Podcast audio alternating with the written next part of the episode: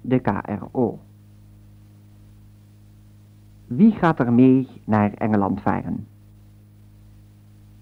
Ik vraag uw aandacht, luisteraars, voor een hoorspel-experiment van Leon Povel, gebaseerd op de roman Pied Piper van Neville Shute. Vanavond hoort u het eerste deel, Twee kleine reisgenoten. Voor een toelichting mogen verwezen worden naar de pagina's 3 en 8 van de katholieke radio- en televisiegids van deze week.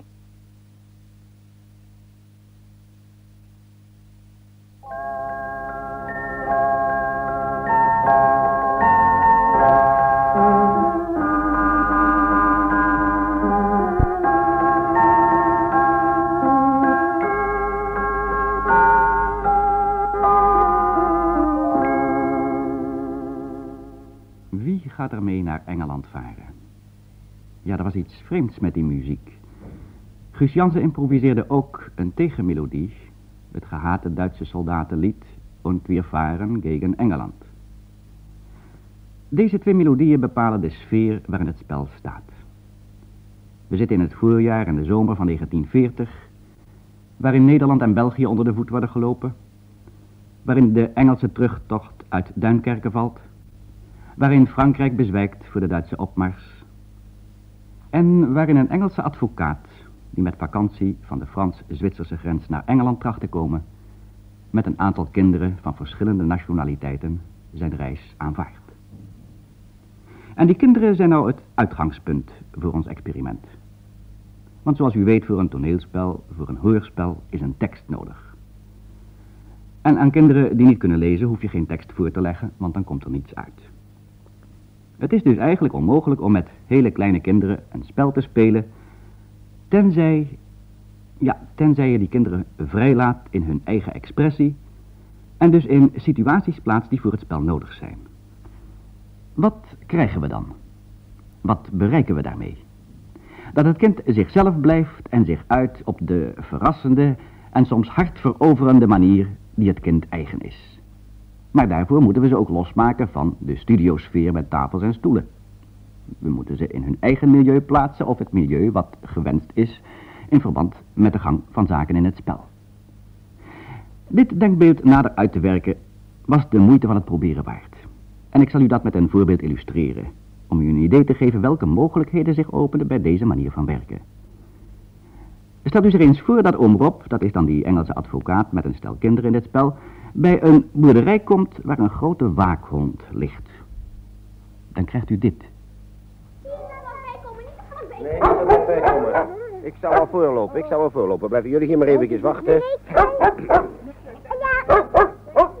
Zie je dat ik je niet bang hoef te wezen, dat wist ik wel. Als je vriendelijk tegen hem bent, doet hij niks. Hé, jongen? Nee, wij mogen er best langs, hè? Niet te dichtbij, niet te dichtbij. Nee. Niet te. Anders gaat hij eruit. Oh, een grote sluit, net een wolf. Net een groot beest, hè? Ja, daar eet hij uit. Eet hij uit. Lekker. Ook een vlakke langsje, dat mag niet. Nee, nee, nee, nee. Nee, dan bijt hij je. Ik zal het hem zeggen, hoor. Ja, hij bijt je niet. Dan doet hij heel hard. Nee, hij bijt je niet. Jawel hoor. Hij bijt je. Welke schrijver zou dit ooit op papier kunnen zetten en welk kind zou dit aan de hand van een tekst kunnen spelen? U voelt wel waar we heen willen. De natuurlijkheid, de spontaniteit van het leven grijpen de microfoon er middenin plaatsen. En dat is toch immers de kracht van de radio. Nu was dit een vaker voorkomende, een vrij concrete situatie, waar je verder niks aan hoeft te doen dan het juiste moment van de opname trachten te voorzien, vast te leggen wat het moment dat nooit meer terugkomt oplevert. In deze omstandigheden word je dan zelf dus een soort waakhond die meteen opspringt als hij ergens de lucht van krijgt. Maar we hebben ons niet alleen bepaald tot dit soort situaties, want het kind heeft ook een ongebreidelde fantasie. En die is in een bepaalde richting te leiden. De richting die wij in het spel op een of andere manier nodig hebben. Dat is dan uiteraard voor de regie een van de interessantste opgaven waarvan je nooit van tevoren kunt zeggen wat er van terecht zal komen. Maar mag ik dan uit de vele voorbeelden er één laten horen om u hiervan ook een indruk te geven? We zijn met de opname waar we in augustus mee begonnen zijn al aan begin december toe en toch moeten we nog de volgende opname maken. Een open landweg in het hartje van de zomer. Het is snikheet, een lange wandeling, hebben ze achter de rug en ze komen bij een watertje langs de weg. Ze willen in het water spartelen om wat op te frissen. Dat is natuurlijk in de zomer geen kunst om zo'n opname te maken, maar het was al december. De kinderen hadden de jasjes aan, sjaals om de nek. En we hebben het gewoon achter in de tuin gedaan op een grasveldje. Het tegelpad was de weg, het grasveld was het water. Nou, ga jullie gang, mijn kinderen. Maar ja, doe maar het water in hoor. Allemaal het water in. Jongens, we gaan het stokje achterna. Ja, ja, gooi het met water in. Gaan. Is het lekker water? Lekker koelen, hè? Nou, Nou, dat wist ik wel. kijk, u al zwemmen? Ah, ik heb het ook warm, ik zal mijn jasje er maar even bij aantrekken. je vasthouden, dan zal ik jou. Zo, we gaan dit goed zo. Kijk, die Brigietje die zwemt al een beetje. Kom. Zo, nou laat het je weer staan, want je wordt zo zwaar. Het is toch wel zo warm. Kom maar, Dan moet je niet te ver erin gaan, Leontientje, hè? Want je hebt alleen met je kousen je schoenen uit, dan word je kletsnat, kind. Ja, maar het is niet zo diep hier. Jammer dat we geen badpak voor je bij ons hebben, hè? Ja. Ja. Had ik eigenlijk op moeten rekenen. Nou, ik vind het niet zo erg hoor. Zo word ik ook lekker koel. Ja, zo is dat lekker. Lekker? U begrijpt wel dat iedere volgende opname onze hoop versterkte dat het experiment waar we mee bezig waren levensvatbaarheid zou hebben. We hebben nog op velerlei andere manieren spelfragmenten met de kinderen kunnen verwezenlijken. Zelfs fragmenten waar ze de juiste betekenis niet eens van konden bevatten. Die ze dan ook niet hebben trachten uit te leggen en die soms voor heel andere situaties nodig waren dan ze zelf dachten. Maar u hebt al gehoord dat het niet de kinderen alleen zijn waarmee we dit spel realiseren. Ze hebben het telkens tegen oom Rob, de acteur Rob Gerards, die in al deze kinderopnamen de moeilijke taak had om zijn onberekenbare spelgenootjes op het juiste pad te houden of ze er telkens weer op terug te brengen. En daarmee zijn we aan de experimentele taak van de volwassenen gekomen, die, willen we tenminste de boeiende factor van de improvisatie van het experiment volhouden, ook hun rol moeten spelen zonder een tekst in handen te hebben. Ze weten dus alleen wie ze voor moeten stellen, wie hun tegenspeler is, vanuit welke gesteldheid ze moeten spelen en wat in een bepaalde scène behandeld moet worden. Want een tekst is er nou eenmaal niet, alleen het gegeven van de roman, het verhaal. Maar goed, het revolutioneren van dit systeem van opnemen interesseert u misschien minder dan de vraag of het resultaat nu ook anders dan anders is en u iets doet. En wij van onze kant zijn natuurlijk benieuwd om dat te zijner tijd eens van u te horen, want wij kunnen er wel een jaar mee bezig zijn en er misschien van bezeten zijn. Dat zegt allemaal nog niks. Nu dan ons verhaal dat wij u in acht delen mogen presenteren onder de titel Wie gaat er mee naar Engeland varen?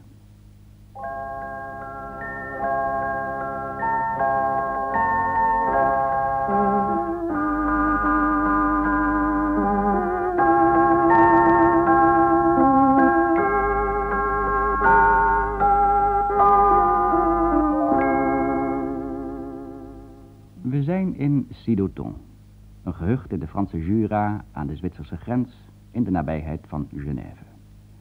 De Engelse advocaat Howard, die we later oom Rob zullen gaan noemen, voelde zich in Londen zo verlaten, want hij heeft daar geen familie meer, en zo overbodig, omdat alle instanties die iets met de organisatie van de luchtbescherming te maken hebben hem te oud vinden, dat hij ernaar verlangt om naar de trieste, grauwe wintermaanden het voorjaar te gaan opzoeken in de Franse bergen. Het is april 1940. En op de dag dat hij met een speciale permit op de boot stapt om het kanaal over te steken, valt Duitsland, Noorwegen en Denemarken binnen. Maar Howard is de kranten en radioberichten zo beu geworden dat hij zich van die oorlog in verre landen niet veel meer aantrekt en eenmaal op de boot zijn reis vervolgt en na een paar dagen eindelijk in het eenzame hotelletje van Sidoton aankomt. Maar tot zijn verrassing ontmoet hij bij zijn binnenkomst nog een andere gast. Hé. Goedemiddag, madame. Goedemiddag, monsieur. Ik dacht niet dat ik hier iemand zou vinden om deze tijd van het jaar ben ik hier meestal alleen. Mag ik me misschien even voorstellen? Mijn naam is Howard. Mrs. Kavanagh. Hoe maakt Maar u dit... het? Was u hier al eerder geweest, hè? Ja, ik eh, ben hier enkele jaar geweest. eh, Mrs. Kavanagh, zei u. Dus u bent eh, Engelse? Ja. Bent u Amerikaan of bent u ook Engels? Nee, ik ben ook Engelsman. Hm. Ach, wat aardig, dan zijn we landgenoten. Ja. Dat is wel een verrassing. Ja, misschien wilt u mij wel even excuseren. Ik wou me wat gaan opknappen op mijn Nee, kamer. ik kwalijk, ja, natuurlijk. Maar- Dat ziet u. Tja, dit is op zijn minst genomen een merkwaardige begroeting. Het lijkt erop of Howard met deze ontmoeting helemaal niet is ingenomen. En het is ook eigenlijk niet verwonderlijk, omdat hij Engeland min of meer ontvlucht is en helemaal niet van plan was om Engels te denken en Engels te praten. Maar Mrs. Kavanagh is van haar kant erg blij met de nieuwe gast. Want ze zit hier al een paar weken moederziel alleen. Maar waar grote mensen moeilijk tot elkaar kunnen komen, zorgen kinderen onbewust voor een ongedwongen overbrugging. En in dit geval zijn dat de kinderen van Mrs. Kavanagh, een meisje van drie jaar, Brigitte, en een jongetje van zes jaar, Winfried. En Mrs. Kavanagh haakt op een dag graag in op het voorstel van de kleine Brigitte om Howard een snoepje te mogen brengen. Ach, daar hebben we Brigitte. Wat is dat, Brigitte? Wat is dat? Wat is dat? Wat is dat? Wat is dat? Wat zit daarin? Gaat hij nou open? Gaat nog niet open. Zo strak, hè? Nou, heb je hem open. Prachtig. Zo strak. Ja, staat vast, hè? Nou. Wat is dat, Brigitte? Wat is dat? Snoepje. Is dat voor mij? Ja, Krijgt hem op van jou een snoepje? ja. Nou, dat vind ik lief van je, hoor. Dankjewel. Zal ik het netjes opeten ook. Dat is fijn. Neem je zelf ook een snoepje dan? Ja? Goed. Maar die aanvankelijke schuchterheid is binnen een paar dagen overwonnen. Howard komt thuis van een verfrissende wandeling door de wegdooiende sneeuw en vindt Brigitte in de meest onmogelijke houding, zoals alleen kinderen dat kunnen, op de treden van de trap. Ze zit, of hangt, te tekenen en Howard kan het niet nalaten om zich met deze tekening te bemoeien. Heb jij er getekend? Heb jij er getekend, Brigitte? Dat is een beest. Wat is dat, een paard? Nee. Wat dan? Zwaan. Een wat? Zwaan. Een zwaan. Dat is een meisje met een... Ja, dat is een meisje. Dat is een meisje met een, met een veemuts op, een tovermuts op. Nee. Puntmuts. Nee? Is het niet waar? Kan je niet een hondje tekenen? Nee, dat Teken kan voor mij nou eens een hondje. Ja, ik kan het niet. Och, nou. Wat is dit dan? Dat is, dat is dit en dat en dat en dat en dat. Dat ik getekend. Is dat niet mooi? Een mannetje. Een mannetje, zie je wat? Je hoofd, je ogen, je neus, mond. En dat is een jurk met knopen.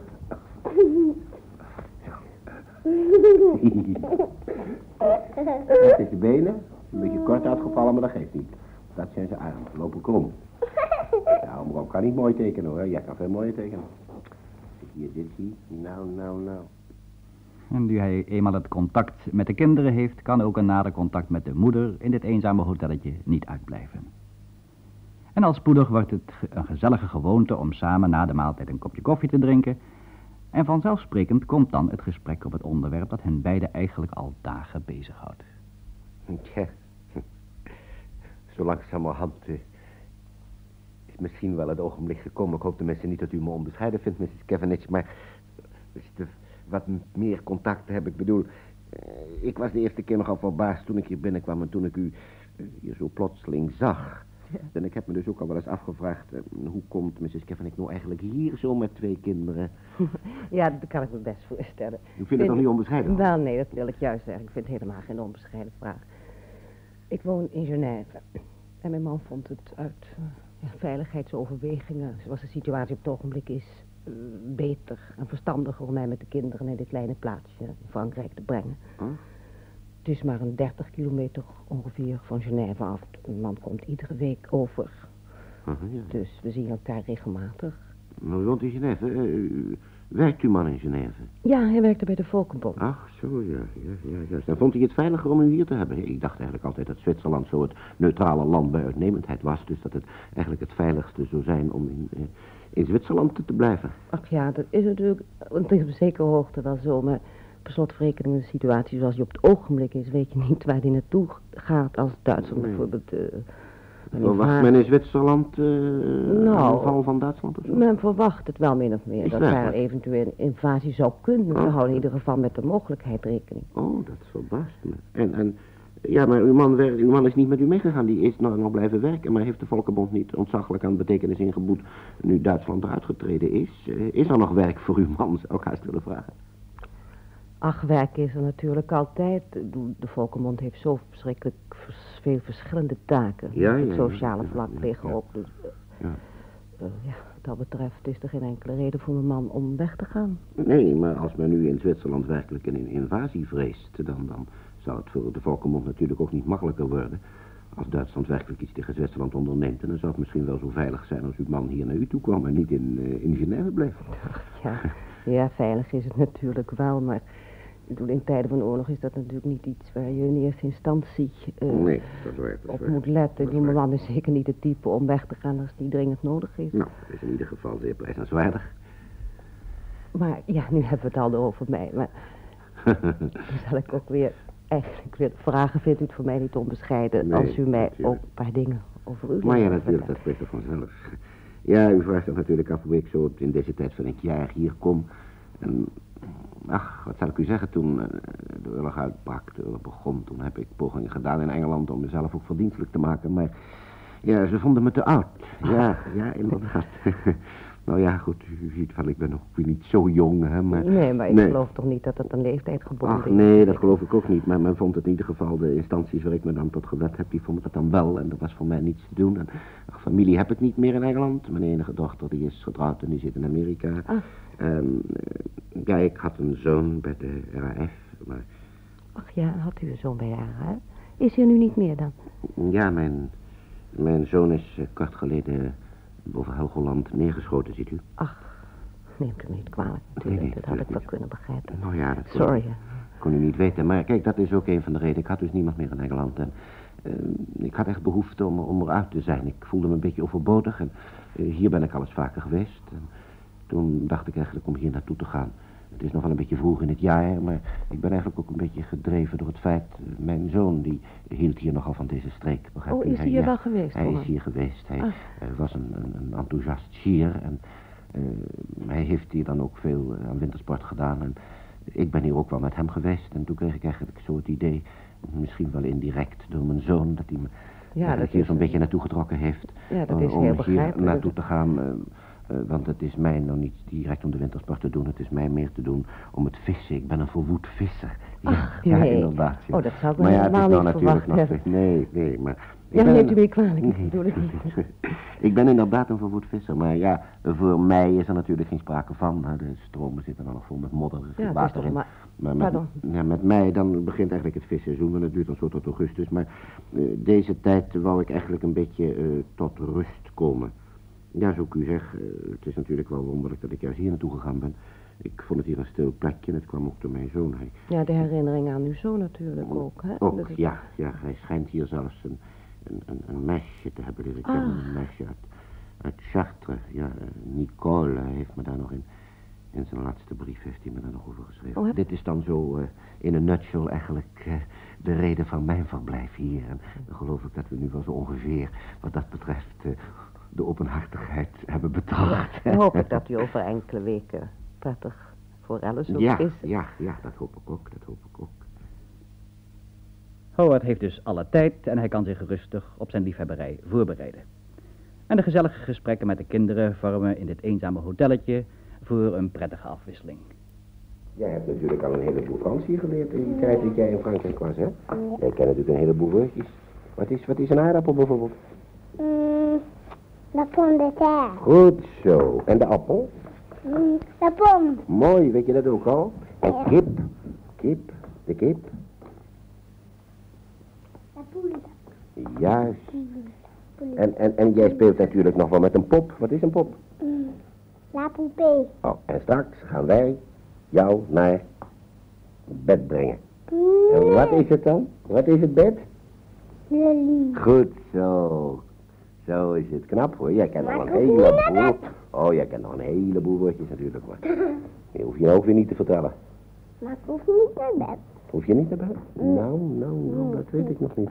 Want ik heb nog niet eens gegeten. Intussen is de dreiging weggevallen dat Duitsland Zwitserland zou binnenvallen, omdat Duitsland Nederland is binnengevallen en België. Maar dat is nogal ver weg en Howard hoeft zich dat niet zoveel aan te trekken. Hij gaat erop uit, gaat vissen en komt de eerste de beste dag enthousiast terug. Nou, kijk u eens even, mevrouw Kevin, wat ik hier heb. Drie blauwe forellen. En dat voor de eerste dag. Het was fantastisch, maar heerlijk. Het is een prachtig succes, meneer Robert, voor de eerste dag. Nou, ik vind het niet dat hij zo heel erg enthousiast doet, maar ja, goed, uh, u vist ook niet, hè? Nee. Ik heb Is er net radio... Ja, ik heb net de radio gehoord en... eh, de berichten zijn nog niet zo erg goed. Wat is er dan aan de hand? Nou, het ziet er heel somber uit. Hoe bedoelt u? De Engelse troepen zijn in allerijl geëvacueerd uit Duinkerken, dus... eh, Ja, maar uit.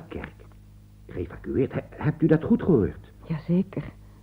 Er werd gezegd dat in allerijl de Engelse troepen geëvacueerd werden via Duinkerken. en Dat ze daar op het ogenblik mee bezig waren. Ja, maar dat is ontstellend. De Engelse troepen weg van het vasteland. Ontzettend. Vreselijk. Ja, dat is dan wel een heel lelijke domper. Op die eerste mooie visdag.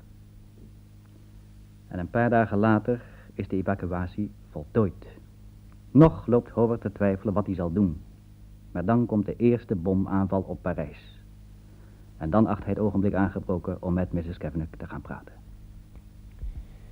Ja, Mrs. Ik, ik heb de laatste dagen eens ernstig nagedacht.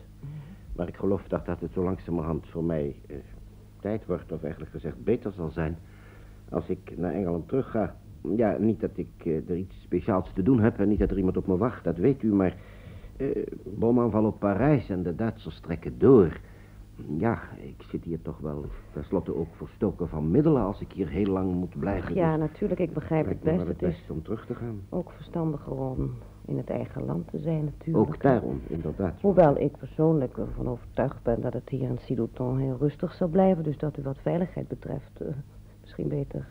Ja, goed, het is natuurlijk ook niet zo waarschijnlijk dat die Duitsers hier zo gauw komen. Maar juist daarom, als ze hier eenmaal zouden zijn, dan zou het voor mij te laat zijn om terug te keren. En nu zal het waarschijnlijk nog heel makkelijk zijn om terug te keren. ja, natuurlijk, Dus ja. eh, het spijt me natuurlijk ontzettend om afscheid van u te moeten nemen en ook afscheid van de kinderen te moeten nemen. Dat ligt voor de hand. Maar ik ben toch eigenlijk wel tot het besluit gekomen om zo gauw mogelijk, niet overhaast, maar Ja, dan toch, laten we ja. zeggen, binnen enkele dagen zo, eh, Ik te proberen de terugreis te Ja, de kinderen zullen u natuurlijk verschrikkelijk missen. En over mezelf niet eens te spreken, Hm. want Ja, ik had toch een heel prettige aanspraak. En, eh, nou ja, maar ik kan het volkomen begrijpen dat u dit besluit genomen Dat doet me genoeg, hè. Ja, een overhaast vertrek is inderdaad niet zo noodzakelijk, want niemand kan verwachten dat binnen korte tijd Frankrijk volledig bezet zal worden. En dus kan Howard rustig zijn reisvoorbereidingen treffen. Maar dan komt, midden in de week, Kavanagh over. Hij stuurt de kinderen naar buiten en heeft een lang gesprek met zijn vrouw. En daarna klopt hij met een bezwaard hart op de deur van Howard's kamer. Ja? Goedemiddag, meneer Howard. Ach, meneer Kevenek.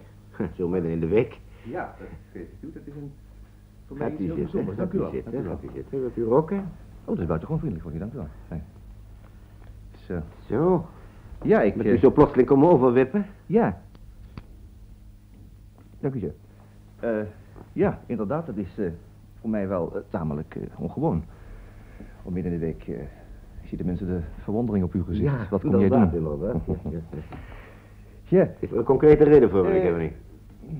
ja, dat geloof ik wel, eh, meneer Howard. Het is eh, voor mij wel erg moeilijk om precies de juiste woorden te vinden. ik eh, weet niet of ik u een, een geheim vertel dat eh, Zwitserland momenteel wordt bedreigd. Werkelijk? Ja. Nee, had ik nog geen flauw idee van. Het verbaast me ook eigenlijk wel. U weet, eh, mijn werk bij de Volkenbond brengt eh, met zich mee dat ik dergelijke dingen natuurlijk uit de eerste hand zou horen. Ja, dat spreekt vanzelf. Dus u veronderstelt, men veronderstelt... Men veronderstelt inderdaad dat de toestand momenteel zo is dat met een Duitse invasie op Zwitsers grondgebied ernstig rekening gehouden moet worden. En dan eh, bent u waarschijnlijk aan het overwegen om Genève zo gauw mogelijk te verlaten en hier u te voegen bij uw vrouw en uw U kinderen. bedoelt hier een Sidouton? Nee, Ja, nee, dat is niet het geval, meneer, eh, meneer Howard. Ah, Ik, eh, u weet, mijn, mijn taak bij de Volkenbond, misschien is ze zeer bescheiden, maar ik geloof in een tijd als deze is iedereen, al heeft hij nog zo'n kleine positie, van erg belang, van groot belang. Eh, nee, ik zou zeker Zwitserland niet verlaten, eh Genève niet verlaten. Want ik heb misschien een vreemd uh, ouderwets gevoel voor, voor, voor plichtsbetrachting. Ik zou dat inderdaad niet doen. Dat ziet u alleen maar, meneer Kevin. Dank u zeer, meneer Heller. Maar wat dan? Ja, ik vraag zo wat dan, houdt u mij ten goede. Maar Ja, nee, ik heb nee. zo'n flauw idee dat uw bezoek aan mij, zo Huh. midden in de week, niet het bezoek aan uw vrouw, maar het bezoek speciaal aan mij, dat dat toch wel een, een, een, een reden zal hebben u, dat u nog niet zo bij me binnen kon vallen om een... eh, Om eens even over Om een te praten. Nee, nee, dat bedoel ik niet, zeker niet. Nee. Nee, kijk. De kwestie is namelijk deze. Eh, wanneer eh, Zwitserland, God mogen dit verhoeden, onder de Duitse laars terecht zou komen...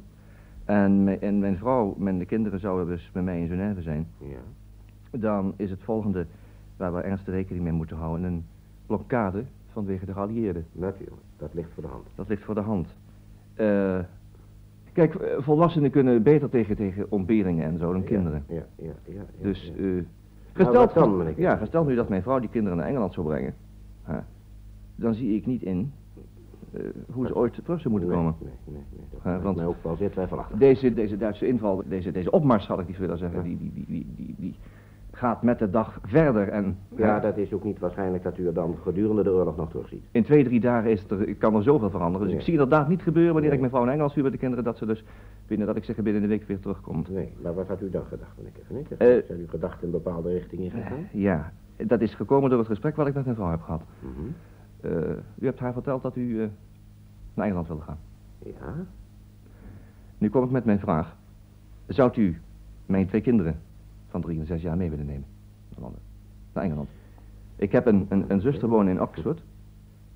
Ik kan haar schrijven dat u komt. Ze kan u in Southampton komen afhalen. Dat is altijd prettig. Ja, maar eh, kijk meneer Kevin, laat ik nou maar direct daarop reageren. U overdondert mij een beetje. Ik had eigenlijk verwacht, tenminste toen u zo bij mij binnenkwam en mij dat vertelde, dat u een advies van mij zou willen hebben. In verband natuurlijk met mijn bekendheid in Engeland van recente datum. Maar Mhm. dat u mij een dergelijke vraag zou stellen, heb ik geen ogenblik verondersteld. En Wat ik geloof toch ook dat ik daar eh, eigenlijk, ja, hoezeer het me spijt, met een kort nee op moet antwoorden. U vraagt mij uw kinderen mee te nemen naar Engeland, maar u moet niet vergeten, ik ben niet meer een jonge man. Eh, goed, ik ben niet ongezond, ik ben niet ziek, maar ik heb toch wel degelijk... eh, ja, ik merk toch wel eens eh, mijn leeftijd. En dat heeft zich ook geopenbaard toen ik hier naartoe ben gereisd. Ik was ontzaglijk moe. Ik heb in Parijs deze reis een paar dagen moeten onderbreken... om een beetje eh, op mijn verhaal te komen, om het zo eens te zeggen. Dus eh, stel dat ik de verantwoordelijkheid zou nemen voor een paar kinderen... en er zou onderweg iets met mij gebeuren. Dat zou ontstellend worden. Waar zouden die kinderen naartoe moeten? En, en nee, nee, nee, meneer Kevin, u moet mij ten goede houden... maar ik vind deze risico toch veel en veel te groot. Ik geloof niet dat ik die mag accepteren. Dat is voor mij een hele goede, hele goede Ik begrijp het, natuurlijk, ik begrijp het, maar u moet zich mijn standpunt ook kunnen voorstellen. Wat ik u zojuist zeg, daar zijn te veel risico's aan verbonden. Ja, ik, eh, ik begrijp uw standpunt, natuurlijk. Ik begrijp uw standpunt, meneer Hoort. Maar ik geloof toch wel dat ik, dat, dat ik dit risico zou moeten nemen. Wanneer u inderdaad eh, deze kinderen mee zou willen nemen naar Engeland. Eh, en u zou bang zijn voor uw toestand. eh, het risico wilt u zelf niet lopen dat die kinderen dus onderweg iets zou gebeuren. Ik geloof dat ik, ik, geloof dat ik persoonlijk voor mezelf dit risico moet nemen. Want Ja, ik, ik geloof dat, dat, dat het, het risico de kinderen hier, althans in Zwitserland te brengen... Nee, dat weegt toch niet op tegen, tegen, Nee, tegen de reis naar Engeland. En daar komt dan nog bij, meneer Howard, daar komt nog Ja. bij. Misschien zou zeggen, is een beetje chantage op me te plegen. nou gewoon, dat ik een grote zou kinderen- ik nog niet direct willen denken. Nee, nee, nee. De kinderen zijn eh, erg op u gesteld, vooral het kleintje. Ja, Brigitte. ik weet het, Weet ik weet het, Brigitte is een Het is begonnen met een snoepje. Winfried is ook erg lief, ja. Ja, ik zijn schatten, Ik inderdaad. hou erg veel van uw kinderen, het is heel grappig. Ik heb natuurlijk een jaar lang geen kleine kinderen om me heen gehad en Nee, ik ben ze een beetje nee, ontwend. maar nu ik hier die poos gezeten heb, nu vond ik het wel ontzettend leuk zoals uw kinderen reageren. Ik vind het ontzaglijk lief. Ah, de kinderen zijn ongelooflijk dol op u. De, vooral Ja. de kleinste, Ja. ja, nou zou ik toch werkelijk eh, het woord gaan denken wat u net uitsprak. Kevin. ja. Nou ja, maar ja, kijk eens, het is natuurlijk een belangrijk punt. U zegt mij net, u wilt het risico nemen. En als ik er even over nadenk, dan geloof ik ook inderdaad wel... Ik, ik zeg u dat nou zo, maar dat de risico die aan mijn, mijn lichamelijke toestand verbonden is... toch misschien in wezen toch wel geringer is dan de risico verbonden aan een blokkade van de Duitsers eh, op Zwitserland. Dus daar bent u kinderen- van overtuigd? Ja, dat geloof ik wel, maar als u mij zegt die risico te willen nemen... Ja, volkomen. Ik ben Ja. volkomen bereid nu met Nou dit ja. risico op me te nemen. En ik zou ik zeggen? Oh, het is natuurlijk voor mij ook een hele gezelligheid. Als Ach, werkelijk die geen last van de kinderen hebben. zijn Nee, daar ben ik van overtuigd. Last heb ik niet van ze. Het was alleen een soort verantwoordelijkheidsgevoel dat me deed spreken. Maar ik zou het natuurlijk ook wel erg gezellig vinden om, u, om het nou eens ronduit te U gaat met, met, met, met een nichtje. De neefje gaat u eh, Ja, en, en u hebt familie in Oxford. Eh, u mijn, mij. zuster, mijn zuster woont in, in, in Oxford, ja. Dus En die zou u kunnen berichten. ja, die kan ik berichten. Ik kan, ik kan als En schrijven. zou dus de kinderen in ontvangst kunnen nemen direct bij aankomst in Engeland, zodat ik dan geen verdere Nee, u- bezonjes met U heb. bent tot, tot eh, Southampton bent u, bent u dus, laat ik zeggen, Nou verantwoordelijk ja, voor de kinderen. En verder ja, neemt ja. mijn zuster dus de Het is een kwestie misschien van 24 uur, laat het 36 uur zijn, maar... Ja, langer lang zal het toch, toch niet duren. Het nee. is allemaal nog... nog Nou ja, goed, ik hou niet van lang om de zaken heen draaien. Daarvoor ben ik misschien dan ook advocaat. Maar eh, ik zou zeggen, eh, meneer Kevinich, eh, nu we de boel zo stellen en nu u dat hebt uitgesproken, laten we er dan maar niet langer omheen draaien. Het is goed. Wilt u ik dat zal u- uw kinderen Dat u mij een ongelooflijk pak van mijn hart hebt Ja, nou dat begrijp ik ook wel. ik ongelooflijk blij ben. Zegt u vrouw maar dat het in orde is. Mag ik u zeer hartelijk danken. Niet te danken. Niet te bespreken. De details Ik- bespreken we natuurlijk deze uiteraard, maar u begrijpt dat ik nu onmiddellijk naar mijn vrouw terug ga. Natuurlijk, En ik begrijp ik, het. eh, Ik begrijp het. ben u zeer dankbaar nogmaals. Niet te danken, meneer Kevin. Ik zal we zullen kinderen- deze zaak in de loop van de volgende dagen verder in details bespreken. Ook Graag. wat kleertjes betreft. dan. Ik zal de kinderen vast inlichten dat oom Rob met ze op Oh gaat. ja, nou wacht u nog even, want anders bestormen ze en ik wil nog een beetje werken. Ik wil nog een beetje werken. In elk geval, meneer Howard, mijn hartelijke dank. Dat u dient. En tot ziens dan. Dat u dient.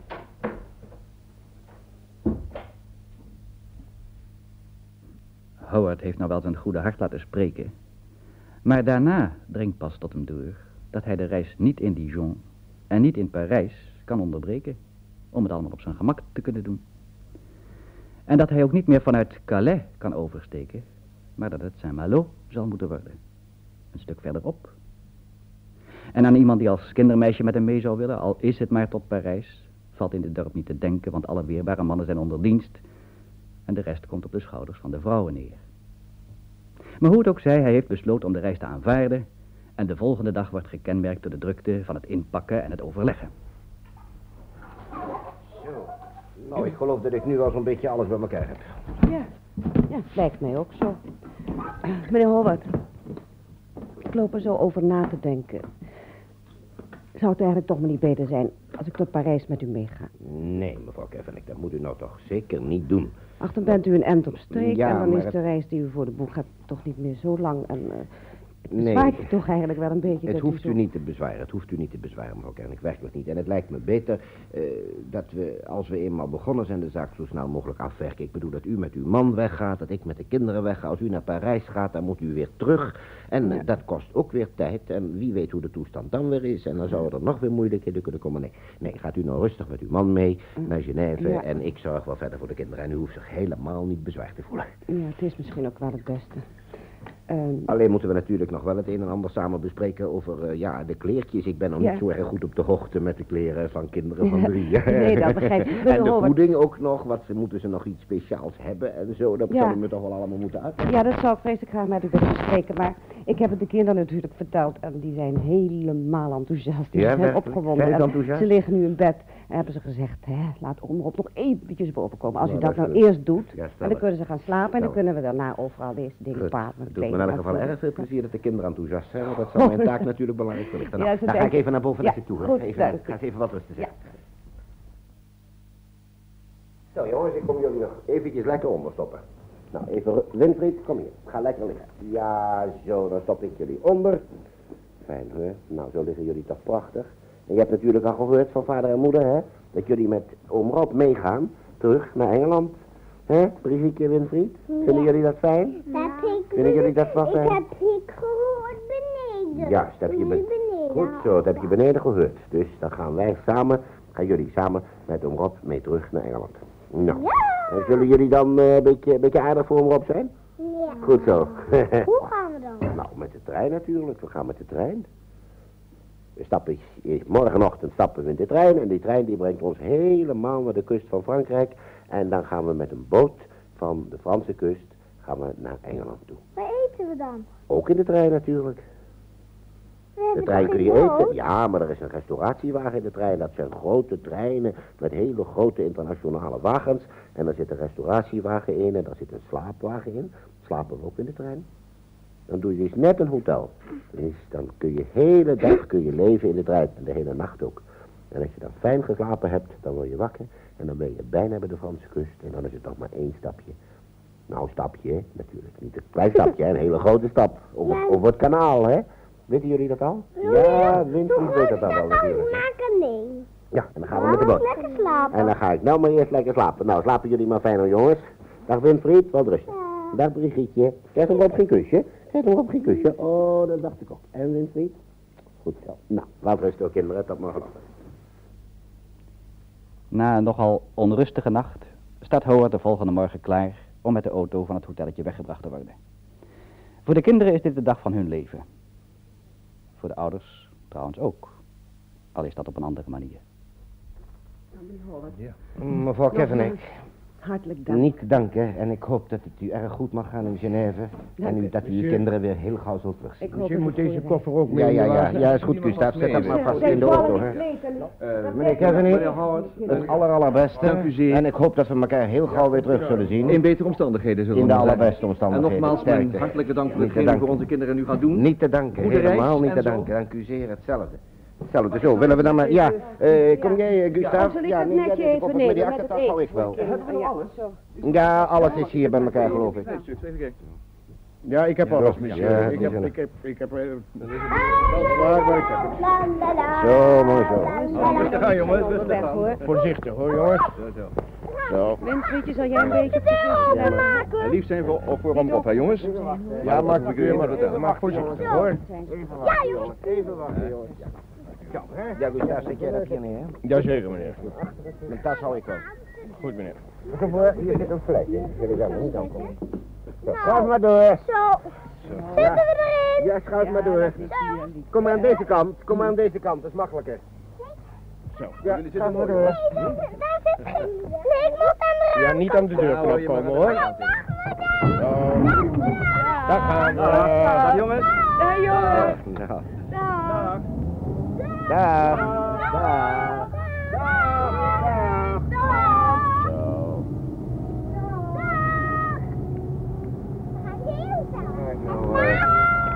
Ik ben lekker naar bed. Nou zijn weg. Lekker laat naar bed. Ja. In dit teken staat voor de kinderen het begin van een plezierige autorit van een half uur naar het dichtstbijzijnde station Saint-Claude. En ondanks alles voelt Howard, of om met de kinderen te spreken oom Rob, zich bijzonder goed. Misschien omdat hij nu voor het eerst sinds maanden een taak te vervullen heeft, omdat hij zich verdienstelijk kan maken. Op het station geeft hij zijn eigen zware koffers als expres goed af, bestemming Parijs, en neemt de kinderen mee naar het perron. En een tunnel is voor een klein kind als Brigitte al een attractie op zich.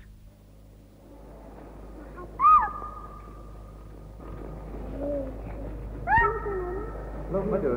Loop maar door, loop maar door.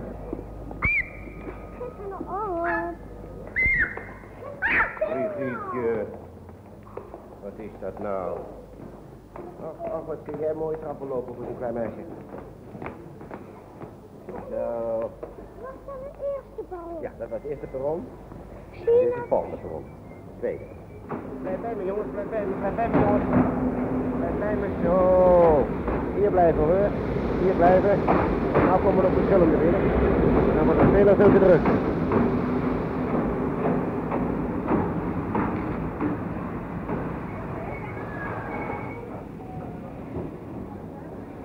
Ja, we gaan erin. We gaan erin. We gaan in deze trein. Stap maar gauw in. Voorzichtig hoor. Voorzichtig. Ja, Brigitte. Kom, ik zei je tillen. Ja, zo hè. Nou, nou jij. Ja. Kom maar. Komen goed. Ja. Loop maar door. Loop maar door. Loop maar door. Zo. Ja, laten we hier maar gaan zitten. Laten we hier maar gaan zitten. Kom maar. Ja, Brigitte, Winfred, ga zitten. Zo. Kom jij maar bij mij zitten. Brigitte, kom jij maar aan tafel. Nog een stukje chocola? Dat is goed, eet even op. Ik heb een Ja, ik heb nog wel meer chocola hoor, er is nog. Ik heb dit nog. Ik heb dit nog. Ik Ik heb dit nog. Nee, ik eet er nog niet op. Denk je het nog niet op? Ik eet nog weer een Oh, je mag stukje. nog even. Ik heb toch vandaag. En zit je zo goed, jonge dame? Ja. Hoe vind je het dan, Brigitte, voor de eerste keer in de trein te zitten? Leuk. Kom, ik uit de ramen kijken. Ik mag ook nog mijn knieën zitten. Mag je ook. Je mag op je knieën zitten. Als je de bank niet vouwt mag, mag je op je knieën. Oh, Rob. Ja. Kan dit nou eigenlijk dicht en draait dit dan ook nog? Nee, dat kan niet dicht. Ja? Ja, Zou het? want ik hoor een fluit. Zou het er dan heus Ja, van komen? Ja hoor. Gaat hij. Ja, we gaan vertrekken. Daar Ja. gaan we dan. Ja. Ah, daar is alleen maar kool. Hier ook. Nee, nou hoe- hebben we nog niks van de watersteek. Nee, dat is nog niet zo. Dat is alleen alle bij ons, hè, het station. Alleen maar een kolonisten. Ja. Oh, ik zie een trein. Ja, dat is het huis. Rob, dit is het huis wat we dat toen straks hebben gezien. Dat Kijk maar, daar gingen we naartoe. Eh, Kijk, daar gaan we weer op een andere heen. Ze kijken hun ogen uit. Opgewekt zijn ze aan een reis begonnen in de veronderstelling over 24 uur in Londen aan te komen. Maar die 24 uur zouden wel eens 24 dagen kunnen worden. Want ze zijn onkundig van het feit dat diezelfde morgen Italië zich aan de zijde van Duitsland schaart en de geallieerden de oorlog verklaart. En daarboven weten ze ook niets van het feit dat de Duitse legers ten noordwesten van Parijs de Seine zijn overgestoken en doorstoten naar het zuidwesten, naar Caen, naar Bretagne, naar Saint-Malo. Hoe zal dit moeten aflopen?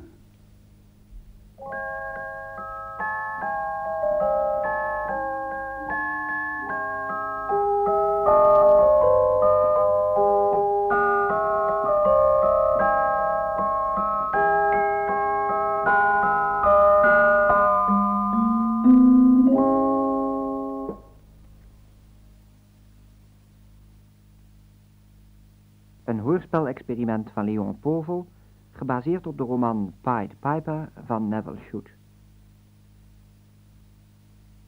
Rob Gerards was Howard, om Rob voor de kinderen. Tine Medema, Mrs. Kavanagh. Jan Borkes, Mr. Kavanagh. En Sylvain Poons, de conciërge van het pension. De kinderrollen werden gespeeld door Brigitte en Winfried Povel. De muzikale improvisaties waren van Guus Jansen. Verteller en spelleider Leon Povel.